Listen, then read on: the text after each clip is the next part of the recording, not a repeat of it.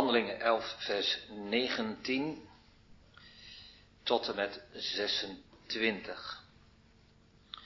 Handelingen 11, vanaf vers 19. Het woord van God spreekt als volgt hier ons toe. Degenen nu die verstrooid waren door de verdrukking die over Stefanus geschied was, gingen het land door tot Fenicië toe en Cyprus en Antiochia. Tot niemand het woord sprekende dan alleen tot de Joden. En er waren enige Cyprische en Cyrenese mannen uit hen, welke te Antiochieën gekomen zijn, de spraken tot de Grieksen, verkondigende de Heere Jezus. En de hand des Heren was met hen en een groot aantal geloofden en bekeerden zich tot de Heere. En het gerucht, het bericht van hen kwam tot de oren van de gemeente die te Jeruzalem was. En zij zonden Barnabas uit, dat hij het land doorging tot Antiochië toe. De welke daar gekomen zijnde en de genade Gods ziende, werd verblijd. En vermaande hen allen dat zij met een voornemen des harten bij de Heere zouden blijven.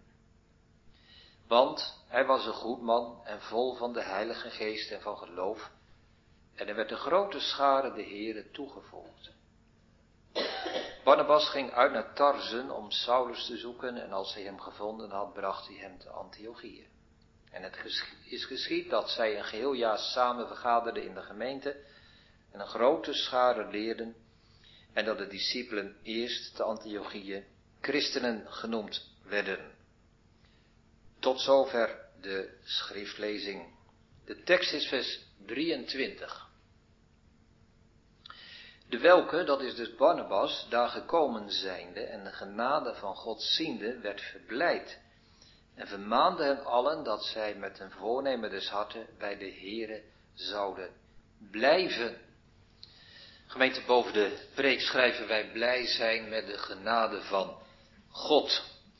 De tekst Handelingen 11 vers 23 is niet zo'n heel bekend vers. Um, en toch, en toch wil ik daar vanmiddag over preken.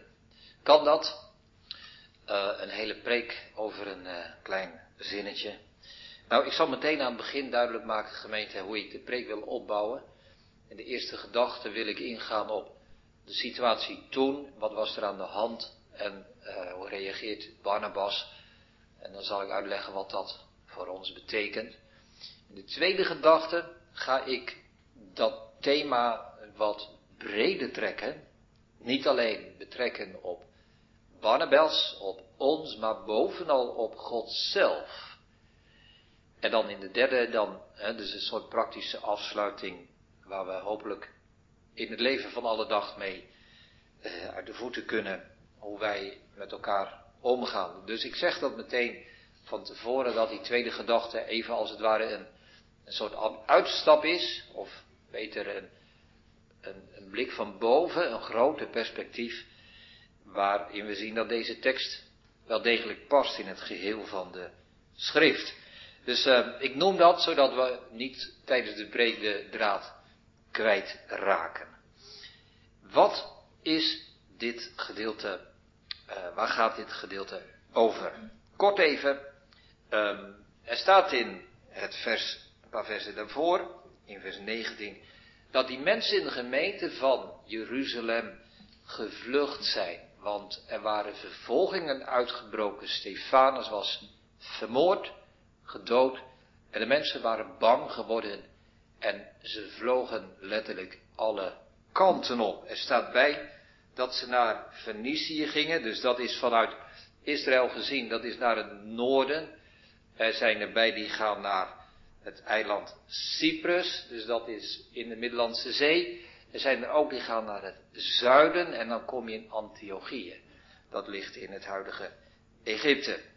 Dus die gemeente die splintert als het ware uit elkaar en mensen vluchten alle kanten op. En ja, dan komen ze daar. Wat zouden wij doen? Stel dat er hier vervolging uitbreekt en je moet vluchten. Je vlucht naar Noorwegen of naar Frankrijk of naar Polen. Nou, deze mensengemeente, die, er staat wat zij doen, die kunnen hun mond niet houden.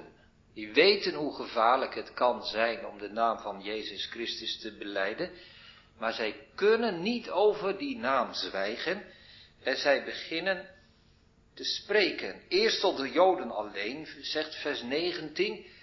Hè, dat zijn de mensen met wie zij zoveel gemeenschappelijk hebben. Maar er zijn ook een aantal mensen, zegt vers 20, die beginnen te spreken tot de Grieksen.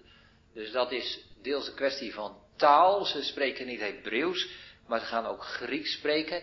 is ook een aanduiding voor heidense mensen. Niet-Joodse mensen worden ook wel de Grieksen genoemd. Dus zij treden buiten, zouden wij zeggen, buiten de grenzen van de kerk alleen, van de gelovigen, godsdienstige mensen. Zij beginnen ook naar heidense mensen de Heere Jezus te verkondigen. En dan gebeurt er iets, wat wij misschien helemaal niet zouden verwachten. Vers 21 zegt, de hand van de Heere was met hen en een groot getal geloofde en bekeerde zich tot de Heere. Dus die eenvoudige mensen, gewoon een doorsnee christenen zouden kunnen zeggen, zoals wij dat zijn, die zien een enorme zegen op hun werk. Het is dermate mooi en indrukwekkend dat dat bericht, bericht ook aankomt in Jeruzalem. Bij de apostelen, die zijn zoals we weten daar gebleven. Dus dat zegt vers 22. Het bericht van hen kwam tot de oren van de gemeente die te Jeruzalem was. En zij stuurden Barnabas, dat hij het land doorging tot Antiochië toe. Dus zij vonden dat zo mooi en bijzonder. Tegelijkertijd voelde de gemeente in Jeruzalem en die, en die apostelen ook een bepaalde verantwoordelijkheid. Wat gebeurt daar? Wij willen daar meer van weten. Dus zij sturen Barnabas. Nou gemeente, daar komt Barnabas bij die gemeente aan. Het is natuurlijk een hele lange reis te voet vanuit Jeruzalem helemaal naar Egypte. Wat zal die daar aantreffen? Ik denk dat het er nogal rommelig was. Want het waren geen predikanten, laat staan theologen. Het waren geen rabbies, het waren geen mensen die al jaren en jaren christen waren. Maar het waren mensen die zelf sinds kort tot geloof in Jezus als Heere gekomen waren. En die vertelden daar. En er kwamen mensen tot geloof. En dat waren Griekse, heidense mensen die al helemaal niets wisten. Dus het was een gemeente waar gebrek was aan alles. Aan kennis, aan ervaring, aan leiders. Er was geen kerkraad, er was geen kerkgebouw, er was geen kerkorde, er was, waren geen beleidenisgeschriften. Er was bijna helemaal niets.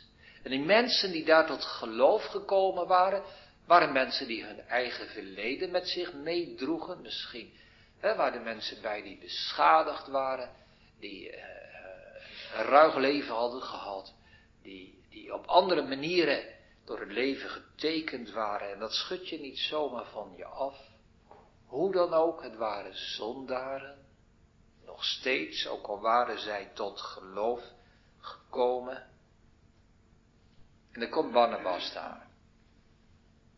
We zouden zeggen, Barnabas, dit is een onmogelijke taak voor je. Om uit dit, vergeef het woord, maar dit zootje ongeregeld, een normale gemeente te gaan vormen. Gaat dat wel lukken? Hoe zou je eraan beginnen? Moet wel een haast onmogelijke taak zijn. Hij komt daar aan, gemeente, en dan hè, voor de tijdsorde. Die mensen zijn misschien, nou wat zou ik zeggen, een half jaar geleden tot geloof gekomen. Dus alles is nog heel pril en heel in het begin.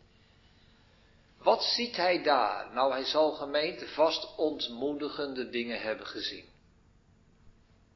Ruzie, spanningen, oneenigheid. Er zullen teleurstellingen zijn geweest en tegenvallers. Er zal weerstand en kritiek zijn geweest. Er zullen mensen zijn die verdrietig zijn omdat zij tot geloof gekomen zijn, maar daarmee de vijandschap van een familie of vrienden hebben opgeroepen.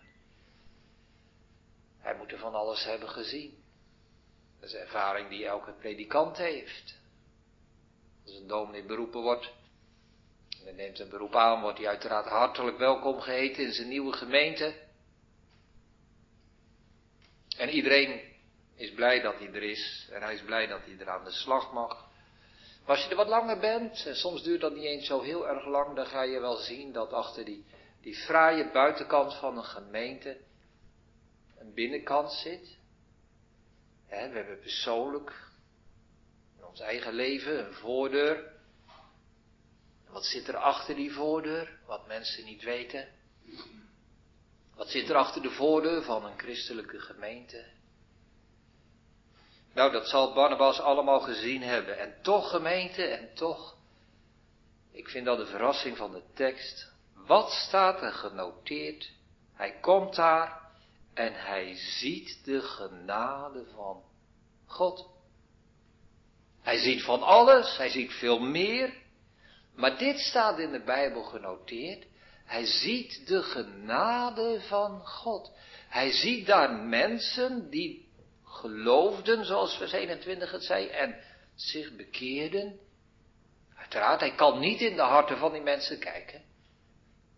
Maar wat hij ziet, hij ziet dat mensen een andere levensstijl krijgen, met de zonde breken, of in ieder geval dat gaan proberen.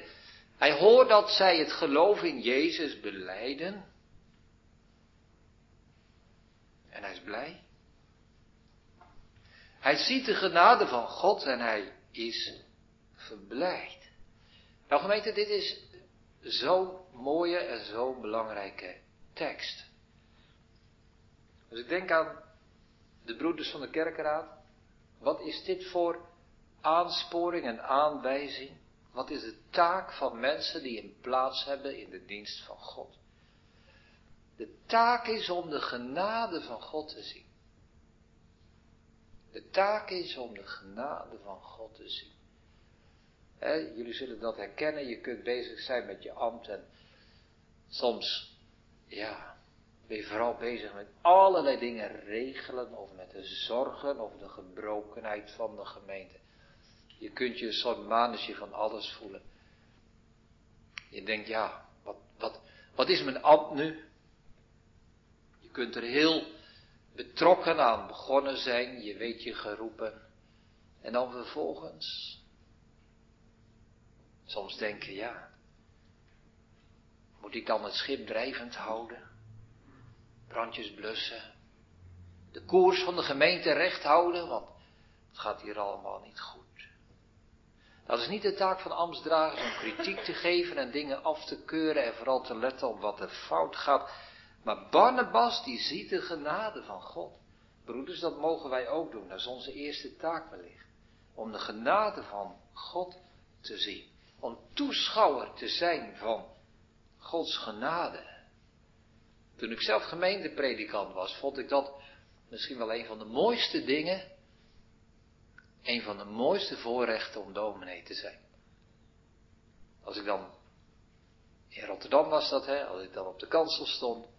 Ik keek de gemeente in. Dan zag ik de mensen zitten en dan dacht ik, ja, die man die heeft mij dit wel eens verteld. Hoe die vroeger was. En wat hij door de genade van God geworden is. En die vrouw, oh, daar zit ze weer. Haar leven is zus en zo gegaan. En dwars door alles heen heeft God zijn genade in haar gewerkt. Dan dacht ik wel eens, ja, hè, je ziet die mensen zitten. Kan me voorstellen als jonge luiden naar kijken dat ze denken, wat een saaie mensen daar in de kerk. Aan de buitenkant is het allemaal niet te zien, maar wat een, wat een indrukwekkende levensverhalen kunnen mensen hebben. Als het gaat om de genade van God die Hij in de levens van mensen geeft.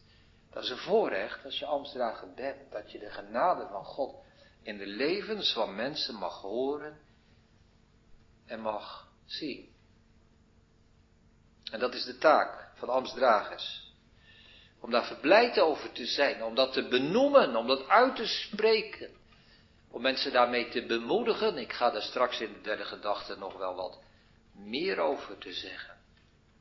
Maar dat is een heel belangrijk iets, want er staat bij dan over die Barnabas, hij was een goed mens, vers 24. Want staat er zelfs, hij was een goed man en vol van de Heilige Geest, dus dat hij zo kon reageren op die, op die, op die gemeente met al zijn tekorten en met zijn, met zijn misschien wel rare kenmerken. Maar hij verblijde zich over de genade van God, want hij was een goed man en vol van de Heilige Geest. Dat is blijkbaar een geestelijke houding van Barnabas. Zoon van de vertroosting, zoon van de bemoediging betekent zijn naam. Nou, dat deed hij ook. Hij bemoedigde de mensen. Hij liet dat zien door zelf verblijd te zijn. En zo groeit de, groeit de gemeente. Er werd een grote schade, zegt vers 24, aan de Here toegevoegd. En er speelde die blijdschap en die vreugde dus een grote rol in. Matthew Henry, de verklaarder, de bekende Bijbelverklaarder, zegt bij dit gedeelte, en daarna ga ik naar de tweede gedachte. Hij zegt, de gemeente van Jeruzalem stuurde Barnabas daarheen. En dan staat er in de, in de oorspronkelijke, de Engelse uitgave, to congratulate, om ze te, te feliciteren. Wij zouden dat niet zo gauw zo zeggen, maar het is toch wel een mooi, mooi woord. Dus die gemeente daar in Jeruzalem, die hoort dat wat daar gebeurt en die zeggen, Barnabas, ga erheen. Niet om even te kijken en te zien of het allemaal wel goed gaat. Misschien zal er wel een hoop fout gaan, maar to congratulate. Om ze te feliciteren. Geluk en zegen te wensen, omdat God daar aan het werk is. Met, zegt Matthew Henry, met het succes van het evangelie. Dat is onze eerste gedachte. We gaan naar de tweede, wat God ziet. En ik zei het al gemeente, dan wordt het tijd om even te pauzeren. En, en ons af te vragen hoe we deze tekst nu kunnen plaatsen in een ruimer verband van de Heilige Schrift. Want iemand zegt, ja, het is maar een kort zinnetje. Mag je daar, kun je daar zoveel aan ophangen? Overvraag je de Bijbeltekst niet? Nou, in dit geval zeker niet. Want gemeente, wat Barnabas hier doet, als hij vol is van de Heilige Geest, wat Barnabas hier doet, hij laat iets zien wat God ook doet. Dat is eigenlijk denk ik de samenvatting van die tweede gedachte. Wat Barnabas doet, doet God ook. Genade, daar gaat het over. Hij ziet de genade van God. Want God is genadig. En daar, gemeente, laat ik dat ook zeggen, daar wil God bovenal voor geprezen worden. Als iemand mild is, mild in het weggeven van geld, dan vindt zo iemand vervelend als mensen van hem of haar zeggen, nou dat is een gierigaard. Dat je zegt, dat klopt niet. Ik ben helemaal niet gierig. Ik vind het juist fijn om blijmoedig te geven. Als iemand vriendelijk is, dan vind je het fijn als mensen jou ook als vriendelijk erkennen. En dat doet je pijn als, als mensen zeggen, nou dat is zo'n horkerig iemand, zo onvriendelijk, zo vervelend persoon. Wat is gemeente de eigenschap die God het meest kenmerkt? Dat is zijn genade. En het raakt God diep. Als we al zijn eigenschappen zouden erkennen en zeggen dat God almachtig en eeuwig, alomtegenwoordig is, maar niet genadig. Dus God zelf wil dat wij zijn genade bovenal erkennen. En daarom hebben we die psalmen ook gezongen, die de een na de ander inzetten op de lofprijzing van Gods genade. En daarom zegt Paulus in Romeinen 4, vers 16, daarom is het uit het geloof, omdat het naar genade zou zijn. Dat wil zeggen, als wij die belofte van God geloven, dan prijzen wij God in zijn genade. Roep mij aan, Psalm 50, in de dag van de benauwdheid. Ik zal er u uithelpen en u zult mij eren. Eren waarvoor? Voor Gods genade. Nou, daarom gemeente moet het gaan en mag het gaan. Moet onze ogen gericht zijn op de genade van God. Want gemeente, zo handelt God ook met ons. Genade, hè, dat is iemand goed doen. Goed zijn voor iemand als het niet verdiend heeft. Je kunt goed zijn voor je vrienden en voor je familie. Je kunt goed zijn voor mensen die, dat, eh, die veel gepresteerd hebben. Maar als je goed bent voor iemand die daar niets tegenover zet, dat noemen wij genade. En dat doet God. God geeft genade. En ik zei het al, gemeente, zoals Barnabas keek naar de mensen daar in die nieuwe gemeente. Hij zag van alles, maar hij benoemt de genade. Hij komt van alles tegen, maar hij ziet de genade en is daar blij over. Ik zei het al gemeente, zo gaat God ook met mensen om. Laten we die vraag eens stellen. Hoe ziet God ons? Denk er eens een moment over na. Hoe ziet God u? Hoe ziet God jou? Wat ziet God als hij naar u, naar jou kijkt? Psalm 33. Niets is bedekt voor zijn gezicht.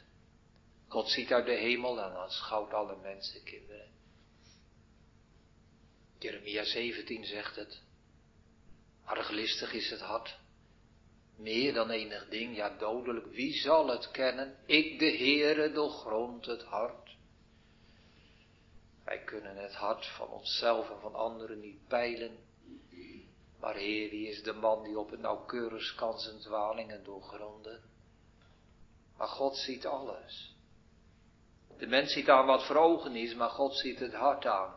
We kennen de Bijbelteksten. En al gauw denken wij, ja, als God naar mij kijkt, ziet Hij voor al mijn zonden.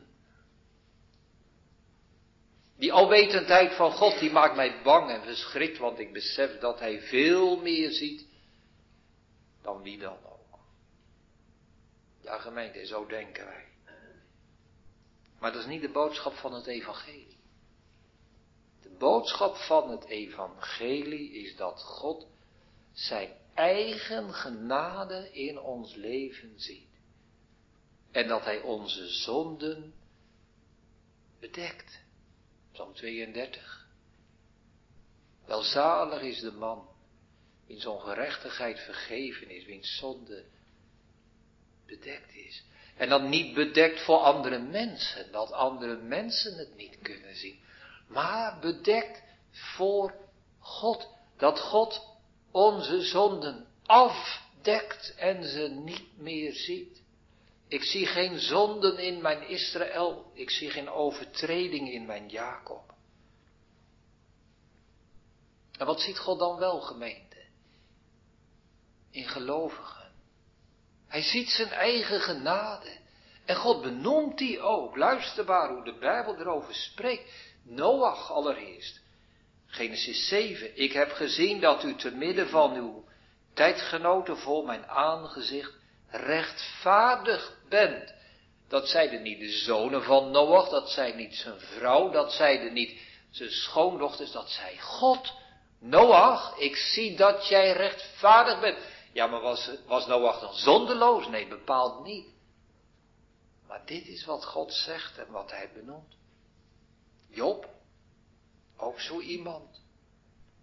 De Heere zei tegen de Satan, hebt u ook acht geslagen op mijn knecht Job? Want er is niemand op de aarde zoals hij, een vroom en oprecht man, hij is godvrezend en wijkend van het kwaad. Wie zegt dit over Job? Niemand minder dan God zelf. Of denk eens aan Nathanael, Johannes 1.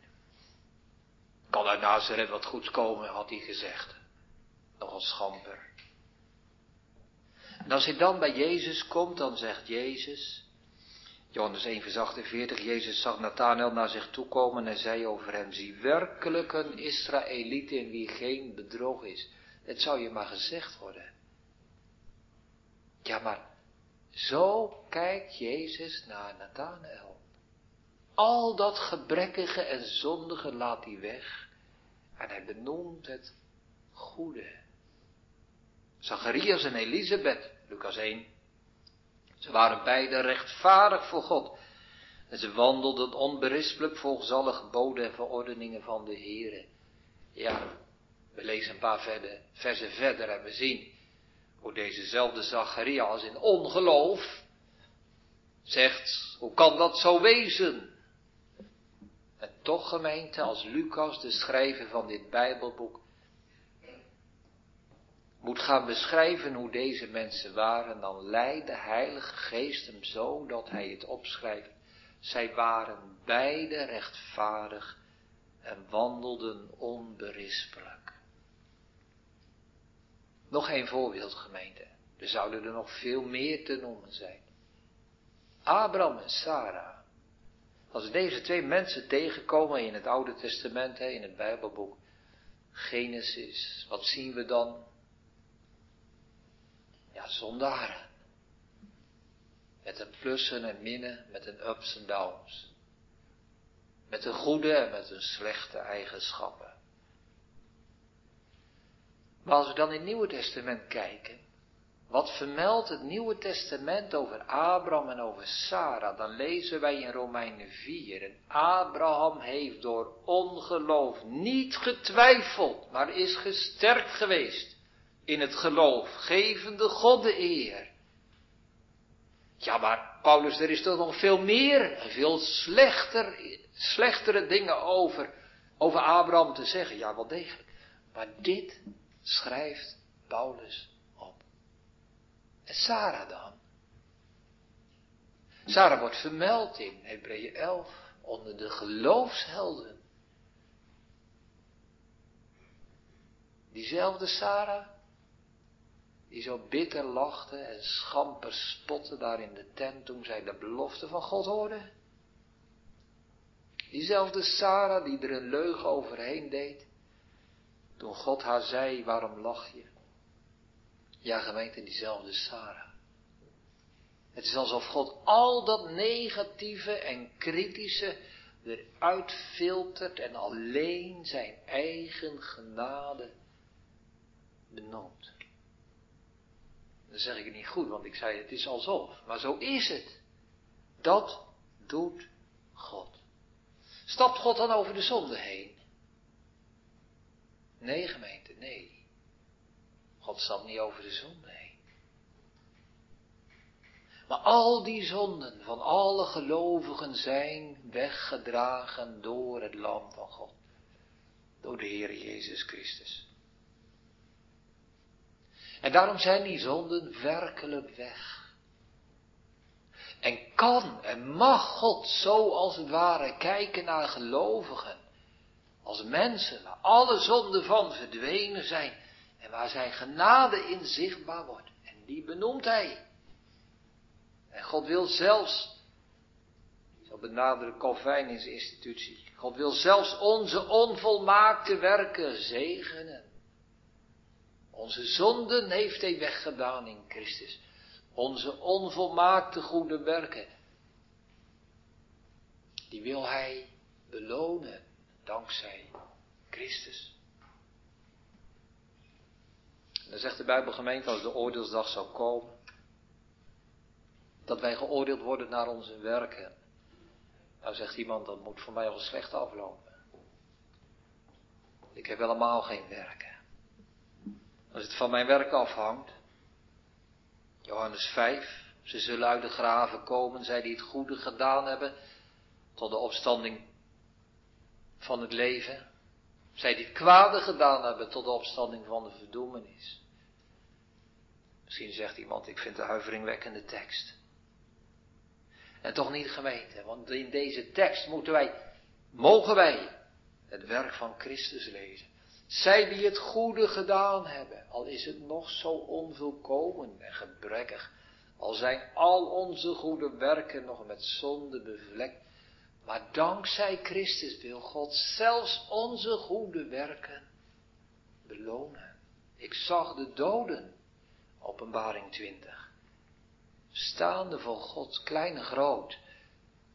En de boeken werden geopend en ieder werd geoordeeld naar de werken. Ja, mijn gemeente, als wij dit mogen lezen, in het licht van Gods genade en het offer van Christus, dan hoeven wij niet bang te zijn voor het oordeel.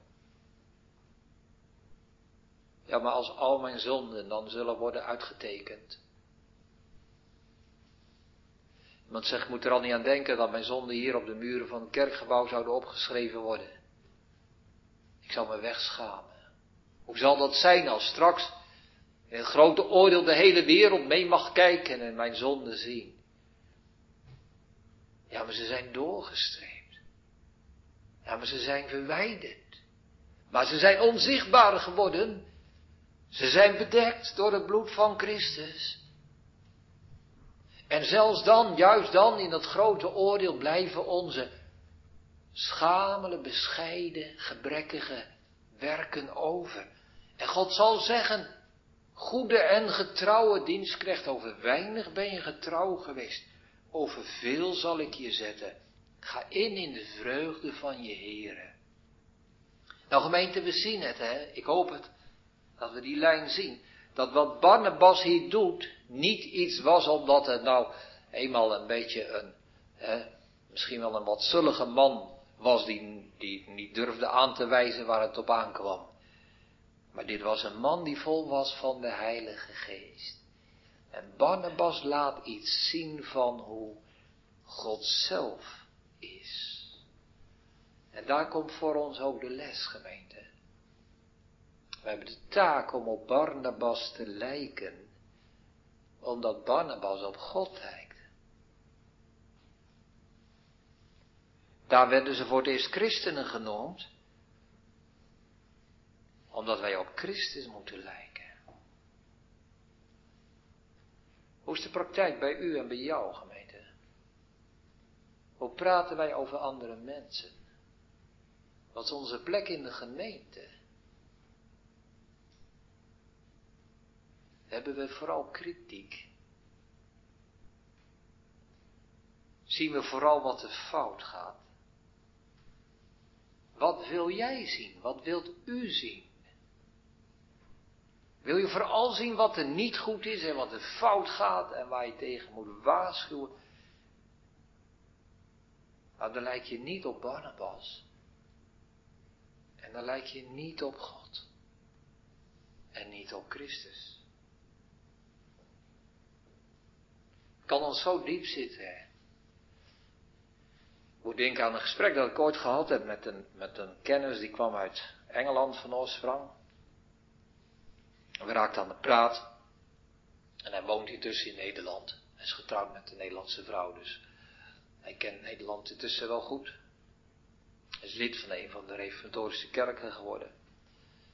En hij zei tegen mij, hij zegt, al die ruzies en al die discussies in kerkelijk Nederland, al die punten waar mensen het niet over eens zijn met elkaar en waar ze elkaar van beschuldigen dat ze niet liefstellig zuiver zijn en zo.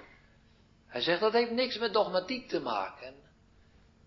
Dat heeft niks met de geloofsleer te maken, zegt hij. Dat komt door de Nederlandse volksaard. Die Nederlanders, zei hij, die gunnen elkaar de zaligheid niet.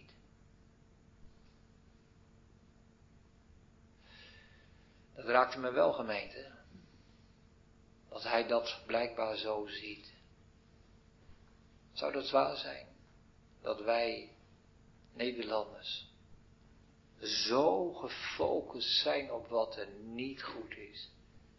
En zo wantrouwend zijn naar andere mensen.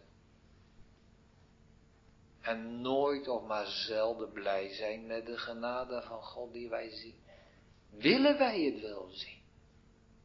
Of is dat het eerste wat we bij een ander verdacht houden en zeggen, nou, die denkt dat hij wat is, nou, ik geloof er niks van. Nog een keer Matthew Henry gemeente. Wat zegt Matthew Henry in zijn commentaar bij dit gedeelte?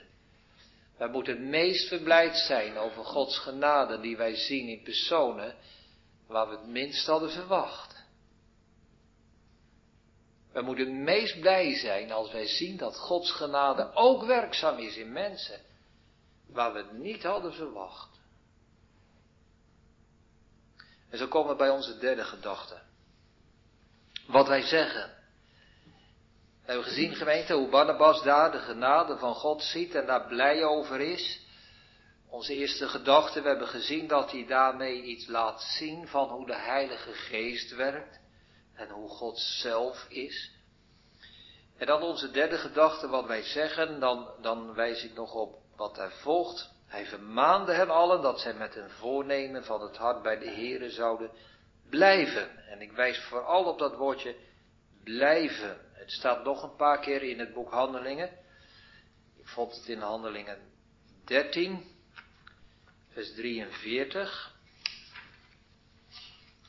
Even opzoeken.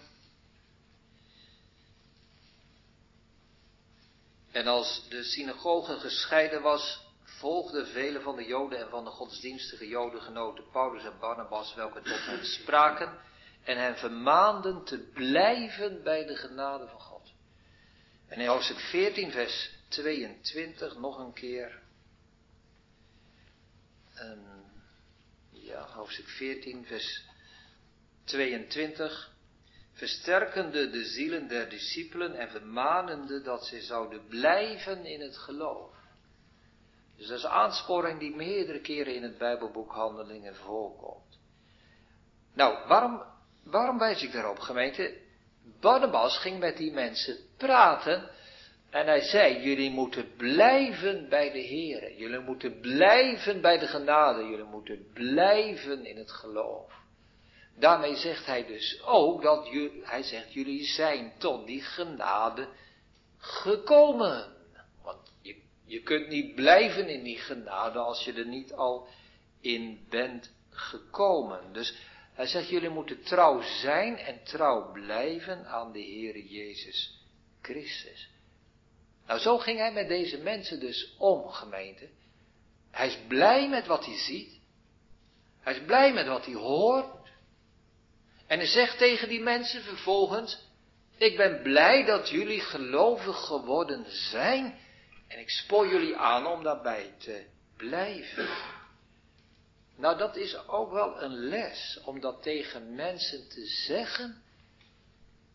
Ik zie dat de genade van God in jouw leven werkzaam is. En ik spoor jou aan om erbij te blijven. Om te benoemen wat wij zien. En ja, ik kijk weer allereerst naar de ambtsdragers uiteraard. Om dat te benoemen en uit te spreken. Zodat je mensen bemoedigt en helpt. Dat hebben we nodig. dat geldt al op psychologisch niveau zo. We hebben de aansporing en de bemoediging en de hulp van mensen om ons heen nodig. Als we kritiek krijgen, dat blijft veel langer hangen dan dat wanneer we bemoedigd werden. Ik las ooit over iemand, die had, die had de onderzoeken daarover geraadpleegd. Het schijnt dat kritiek die wij horen vijf keer zo lang blijft hangen als een positieve opmerking. Nou gemeente, hoe is die verhouding? Binnen de gemeente of binnen je gezin, ouders, als je nou zes keer wat zegt tegen je kinderen, dan zegt dat onderzoek eigenlijk, nou wil je dat in balans houden. Natuurlijk, je mag kritiek geven, dat moet soms ook. Maar wees vijf keer positief en één keer kritisch.